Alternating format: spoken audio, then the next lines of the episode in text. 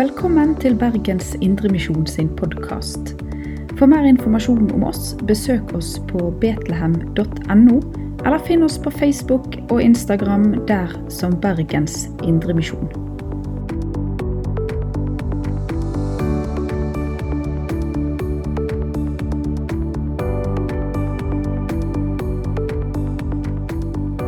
God søndag og god adventstid til dere alle sammen. Vi skulle jo ønske at vi hadde sluppet denne smittesituasjonen som vi er i, og sannsynligvis preger den også vår forsamling og de som ellers ville også ha vært her, og som kanskje da har valgt å være hjemme i dag. Det, noen hver av oss kjenner at eh, dette er en belastning, eh, og vi trenger å få en hvile i Herren og ta dag for dag. Eh, Vi er på mange måter privilegert i den situasjonen vi er i i vårt land, så vi har grunn til å takke. Men vi har også grunn til å be om vern for oss, og at Gud må et følge denne utviklingen slik at vi kan legge dagen og fremtiden i Herrens hender. Det er godt å samles på denne dagen som Herren har innvidd til sin dag. Vi takker deg, Herre Jesus, fordi at vi får samles i ditt navn på denne søndagen, din oppstandelsesdag. Takk fordi at vi skal få kunne gå inn i en tid hvor vi også ser deg, Herre, komme til oss. Og vi ber, Herre, om at også denne søndagen må oppleves slik at du kommer til oss, deler med oss av det som du har på ditt hjerte, Herre. La det ord som vi deler fra din fra Skriften være, bli levende og virke på oss, slik at det kunne forme våre liv, vår tanke, vårt sinn, vår fremtid. Hjelp meg til å bære det frem, slik at du ved din ånd kan bruke dem. Vi ber deg om det. Amen. Prekenteksten på denne første søndag i advent den er fra Matteusevangeliet kapittel 21, og det er fra vers 10 til 17 at prekenteksten er denne søndag, og vi leser. Da han dro inn i Jerusalem, ble det uro i hele byen, og de spurte, Hvem er dette? Og mengden svarte, det er profeten Jesus fra Nasaret i Galilea. Så gikk han inn på tempelplassen og jaget ut alle dem som solgte og kjøpte der. Han veltet pengevekslernes bord og duehandlernes benker og sa til dem, det står skrevet, mitt hus skal kalles et bønnens hus, men dere gjør det til en røverhule. Og på tempelplassen kom noen blinde og lamme til ham, han og han helbredet dem. Men da øverstepresten og de skriftlærde så underne han gjorde og hørte barna som ropte i helligdommen, Hosianna, Davids sønn, ble de forarget. Og de spurte ham, Hører du hva de sier? Ja, svarte Jesus. Har dere aldri lest? Fra småbarns og spedbarns munn har du latt lovsang lyde. Så forlot han dem og gikk ut av byen til Betania. Der ble han natten over. Det er altså første søndag i advent. Og nå tar altså denne teksten som vi leste, oss tilbake til den siste uken i Jesu liv, til den påsken han gjennomlevde. Og Det kan kanskje forundres litt over at teksten er henta fra denne situasjonen på en søndag som dette, men jeg tror at um, det kan gi god mening, For kirkeåret som starter ved adventstiden, er en nådens tid. Det er nådens år som gjenspeiles i hele kirkeåret. Og denne nådens tid er forankret i påskens begivenheter. Uten de begivenhetene som plattform ville det ikke være noe nådens år. Og for det andre så er jo dette innsteget i Jerusalem i denne påskeuken i Jesu liv full av forventning. Nå kommer han som er Davids sønn, som er Messias. Og adventstid er forventningstid. Men tilbake til teksten. Versene forut for den tekst vi leste, omhandler nettopp det som vi ellers feirer på palmesøndag. Jesus kommer vandrende, rir på et esel over Oljeberget ned til den nordre delen av Kedronsdalen og stiger opp til byporten inn i Jerusalem. Folket samles, de hyller han, legger klærne, kappene sine på veien og fyller de med palmegrener og roper Hosianna, Davids sønn. De hyller han. Og så stiger Jesus inn gjennom byporten, og ganske kort avstand fra byporten ligger tempelområdet. Og han stiger altså da inn på tempelområdet. Og det er den ytre rammen for den begivenhet som denne teksten vi har lest, omhandler. Inntoget hadde skapt uro i hele byen, står der. Og teksten vår sier folk spør hvem er dette? Og de svarer ja, det er Jesus, profeten ifra Nasaret. Og det som da skjer på denne tempelplassen, slik som teksten vår beskriver dem, er med på å fortelle oss at her er mer enn en profet. Det er en dybde i denne teksten som sprenger også profetens ramme. Og det er egentlig tre episoder som kort gjengis i denne teksten, og som finner sted der. Og Den første episoden er en symbolhandling. Jesus velter pengevekslernes bord og duehandlernes benker.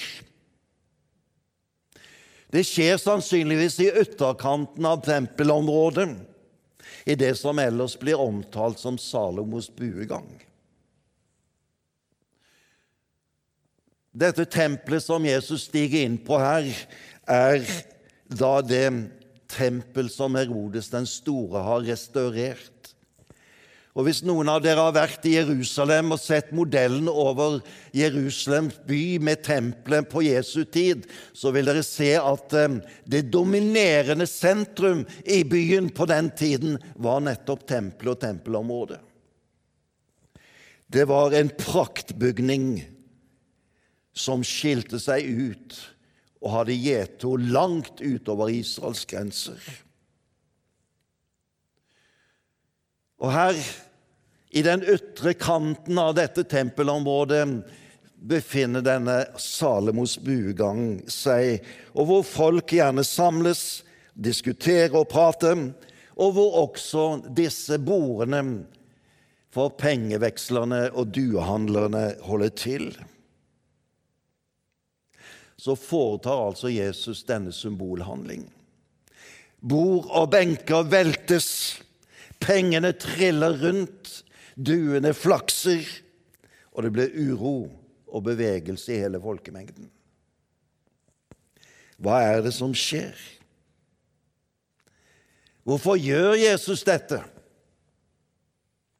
Og det er Jesu ord i situasjonen som er nøkkelen til å forstå dette. Det er ikke en revolusjonær handling, et politisk en politisk aksjon som finner sted. Begrunnelsen er tempelet. Det skal være et bønnested, og dere har gjort det til en røverhule. Dette uttrykket 'røverhulen' De som kjente den gammeltestamentlige tekst, visste med en gang at dette uttrykket er å hente fra profeten Jeremia. Da han av Gud fikk beskjed om å stille seg i portene inn til tempelet, og han profeterer om tempelets undergang. Hvorfor? Jo, fordi at det var et folk som hadde levd et dobbeltliv. På den ene siden holdt de oppe alle ofringene og tjenestene som fant sted i tempelet også den gang. Men livene deres svarte ikke til det som var Guds gode vilje og Guds tanke med det utvalgte folk. De levde i strid og i ugudelighet. Derfor har de gjort tempelet til en røverhule. Og bare kort tid etter at profeten Jeremia står der ved tempelinngangen, ligger hele Salomos tempel i grus. Nebukaneser, den store hærfører fra Babylon, har inntatt byen og jevnet tempelet med jorden og tatt alle skattene med seg til Babylon. Hvorfor skjedde det? Folket levde et dobbeltliv og falt under Guds dom. Og nå står Jesus her og gjentar dette uttrykket og varsler at også her er det krise. Og vi vet at det skulle bare gå 40 år, så lå også dette praktbyggverket i grus. Da den romerske hæren etter opprøret i Israel jevnet dette med jorden i år 70. Og da Jesus forlot tempelplassen litt lenger ute i denne uka her, så profeterte han nettopp at her skulle ikke være sten på sten tilbake.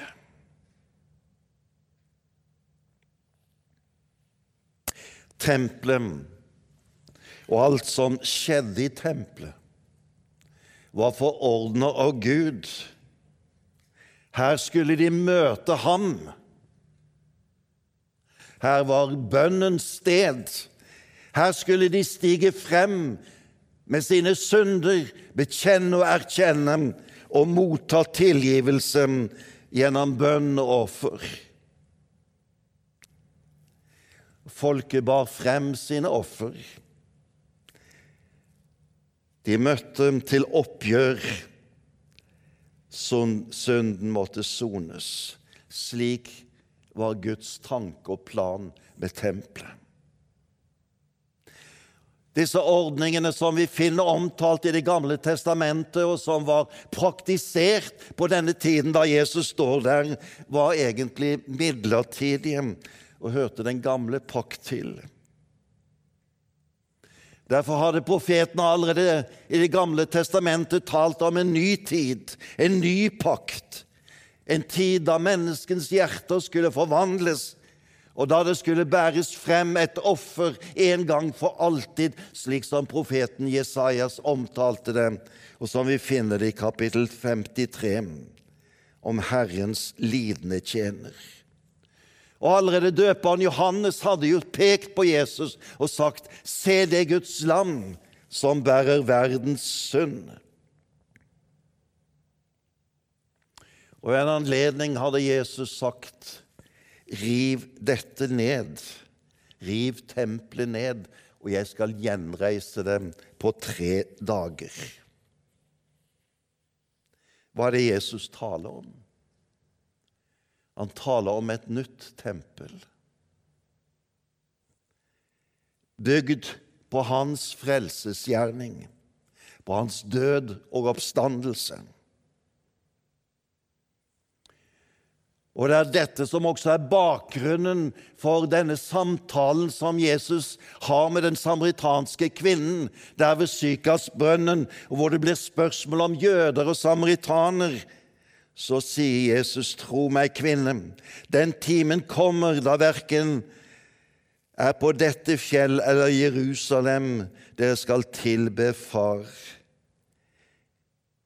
Dere skal tilbe i ånd og sannhet. Det er de sanne tilbedere, sier Jesus.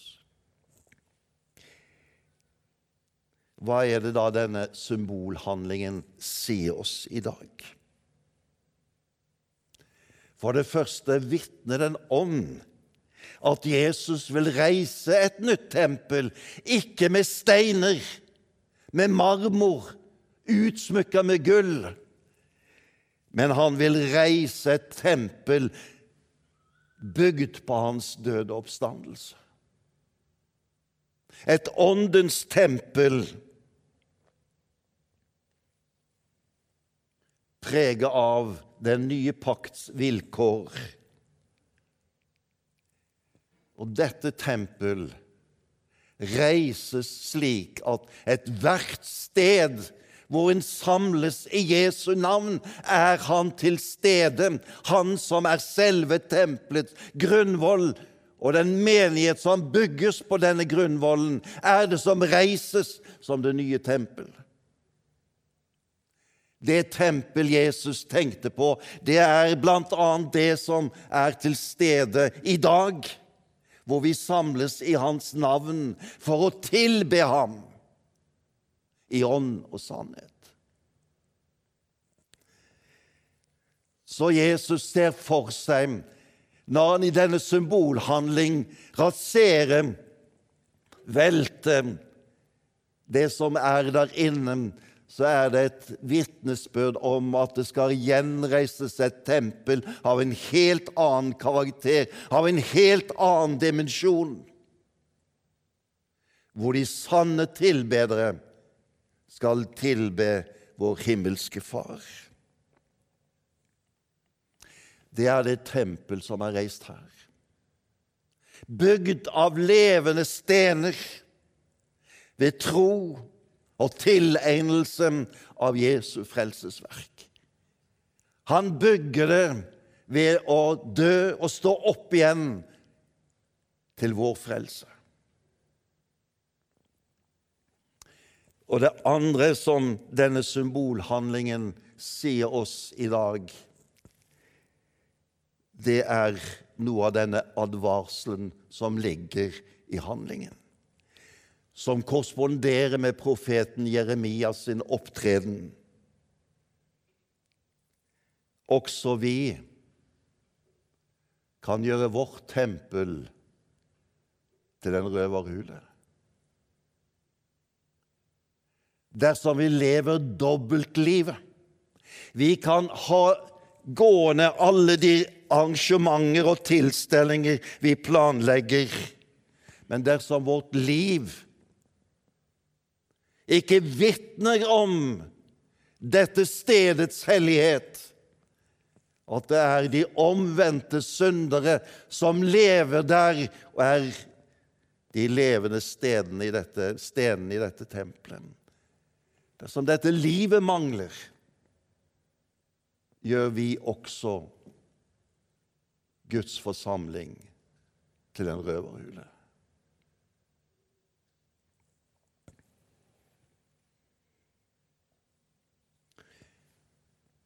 Den andre episoden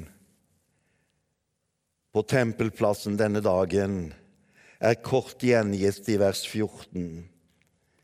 Der er noen lamme, blinde, som søker til Jesus og blir helbredet. Det er ikke uvanlig, det var ikke uvanlig at det var syke, lidende, blinde, halte til stede på denne tempelplassen. Det hører vi også om i apostelens gjerninger. Da Peter og Johannes der kommer en dag til den faste bønnetiden. De ba om almisser. Det var mye folk, og det var muligheten til å få en gave inne på dette området som var tempelets område. Og Så blir de helbredet i møte med Jesus. Hvilken handling er dette? Det er også en tegnhandling. Og tegnet vitner om hvem Jesus er. Det peker på Han som har makt til å helbrede. Det forteller om at det er kommet et nærvær av Gud som er enestående, og som ellers i Det nye testamentet omtales som Guds rikets nærvær. I dette riket er der helbredelse for også syke og lidende mennesker.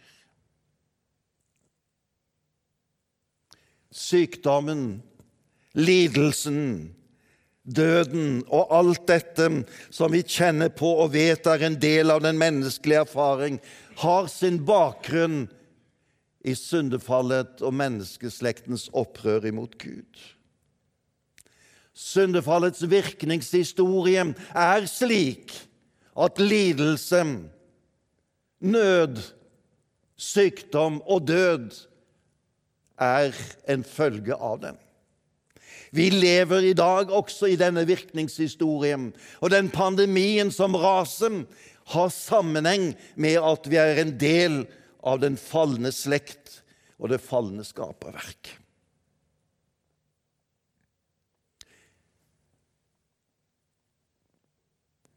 Men Guds skaperverk skal gjenreises.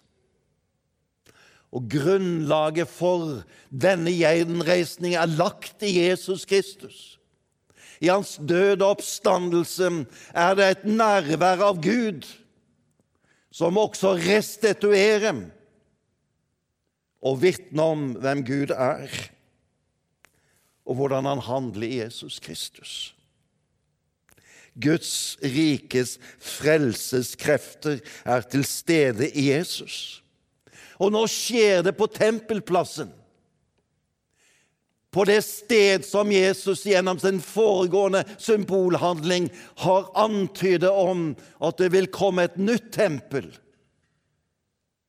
reist av Han som går inn i døden og oppstandelsen. De som er der, er på terskelen til en ny tid. Og helbredelsen er et vitnesbyrd om denne nye tid. Den vitner om Guds rikets krefter til stede i Jesus Kristus.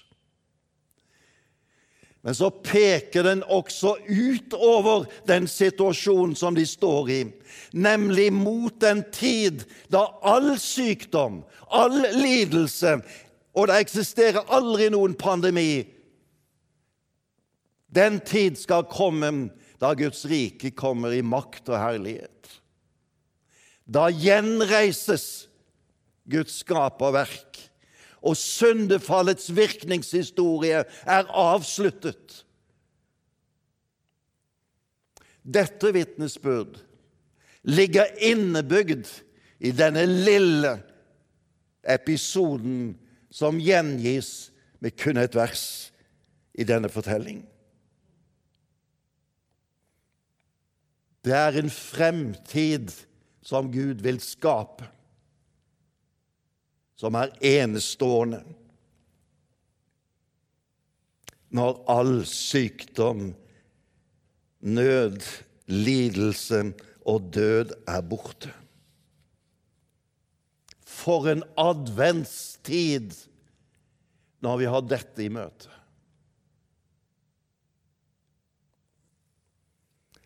Den siste episoden på tempelplassen denne dagen avslører to reaksjoner i møte med denne hendelse. På tempelplassen denne dagen befinner det seg en rekke med barn. Sannsynligvis er de sammen med sine foreldre. Men barn er like til alle tider. Når det skjer noe, løper de for å se hva er det som skjer. Og det skjedde også denne dagen. Barna springer til, og så ser de med sine egne øyne hva Jesus gjør. Og så hyller de han. Se Hosianna, Davids sønn.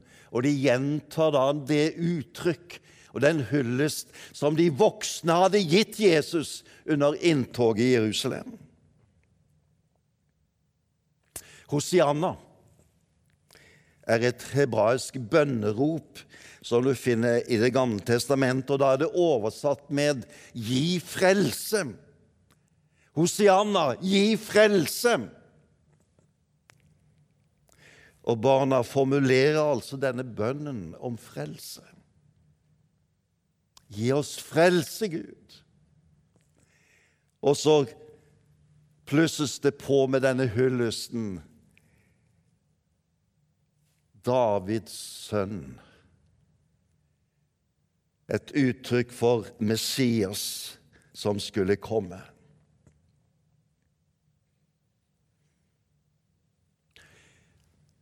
Barnas utrop springer ut ifra et umiddelbart møte med Jesus i det de ser, og det de hører.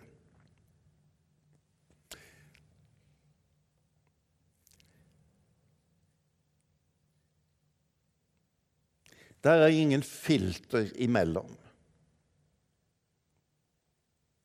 De bare ser og hører, og så går det inn i hjerte og sinn og så skaper det denne bekjennelse og tro på Jesus. Så forteller teksten kontrasten. Det er noen voksne der, og ganske privilegerte voksne, nemlig det øverste lederskapet for tempelområdet, nemlig øverste presten og deres skriftlærde.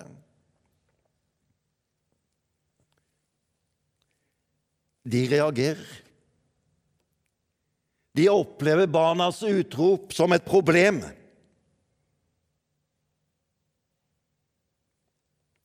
Og de ønsker at barna skal tie.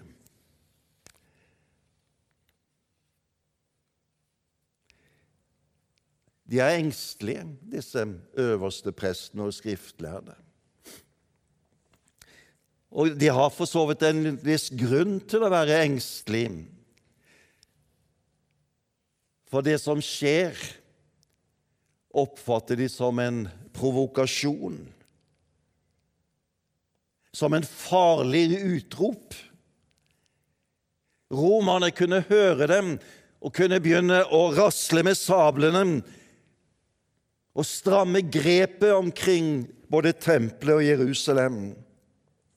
Og vi vet at romerne var beredt til enhver tid å slå ned et opprør og tendenser til opprør i Israel. Det var jo det som også skjedde da de 40 år etterpå, da byen ble lagt øde. Nå er de redde, øverste prestene, for de tolker Jesu handling som en politisk aksjon.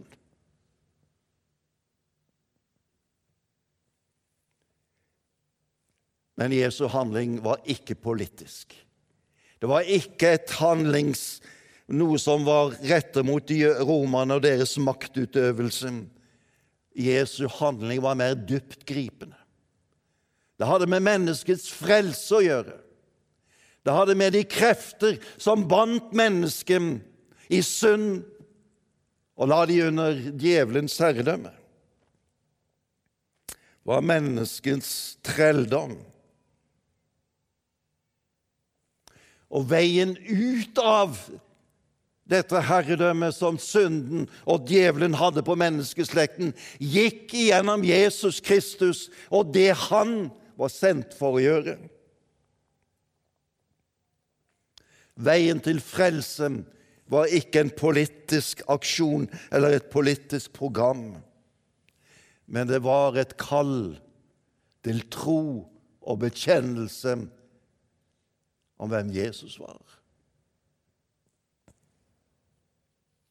Barna så det umiddelbart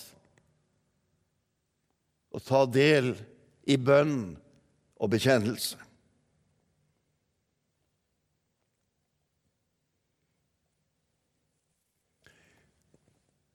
Øverste prestene og de skriftlærde de filtrerer det som ses og skjer omkring dem. De henter opp sine posisjoner. De henter opp sine erfaringer. De henter opp sine fortolkninger, og det blir et filter mellom det som Jesus gjør og sier, og det som de selv oppfatter og responderer på.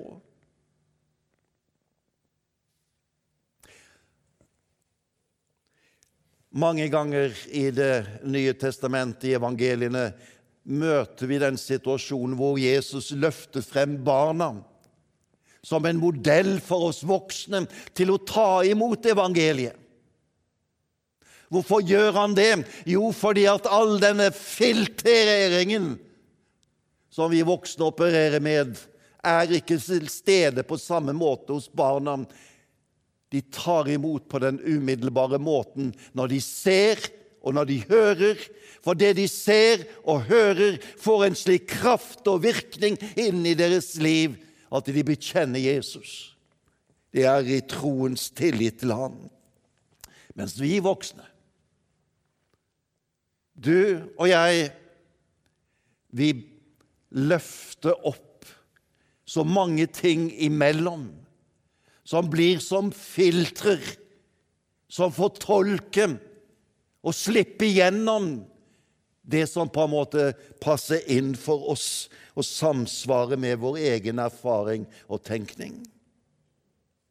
Vi har så vanskelig for å høre umiddelbart hva som sies, og ta det inn over oss, slik at du responderer på det som Gud vil si oss, og det han taler om.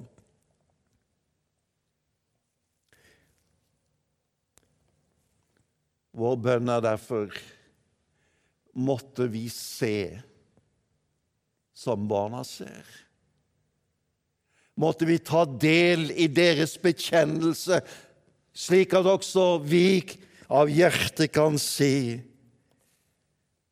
Hosianna, du Davids sønn, Velsignet er du som kommer i Herrens navn.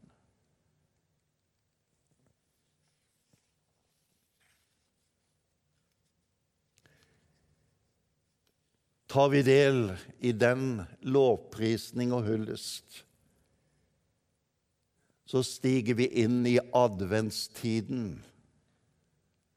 med en forventning om at det nye kirkens år skal være et nådens år. Hvor vi lærer Gud å kjenne som den som rekker ut sin hånd til frelse, til fremtid og til håp.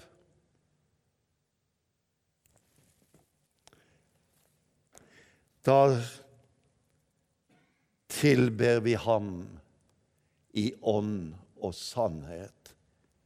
Og det er slike tilbedere vår himmelske Far ønsker vi skal være. Velsignet adventstid.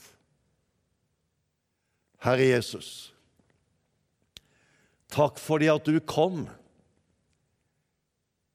Takk fordi at du kommer. Og du er her og så ber vi, Herre, om at vi får være med når du kommer igjen og skal sette alt i sin rette orden. Vi ber om at vi får se det tegn som du har gitt oss, og at det skaper tro, håp, i denne tid. Amen.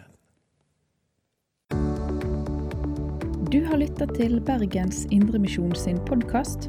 For mer informasjon om oss, besøk oss på betlehem.no, eller finn oss på Facebook og Instagram der som Bergens Indremisjon.